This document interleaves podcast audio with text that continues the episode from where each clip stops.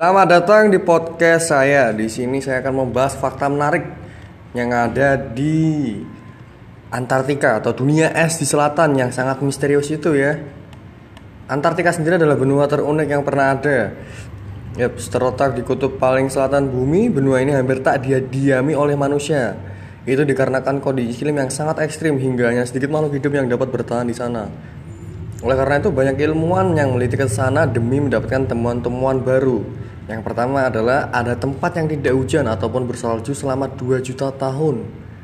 Di Antartika sendiri terdapat setidaknya satu persen benua atau sekitar 4000 km yang airnya tidak memiliki es sama sekali. Dinamakan lembah kering atau oasis Antartika. area itu merupakan gurun pasir paling keras yang pernah ada dan diperkirakan mengalami kekeringan hampir 2 juta tahun.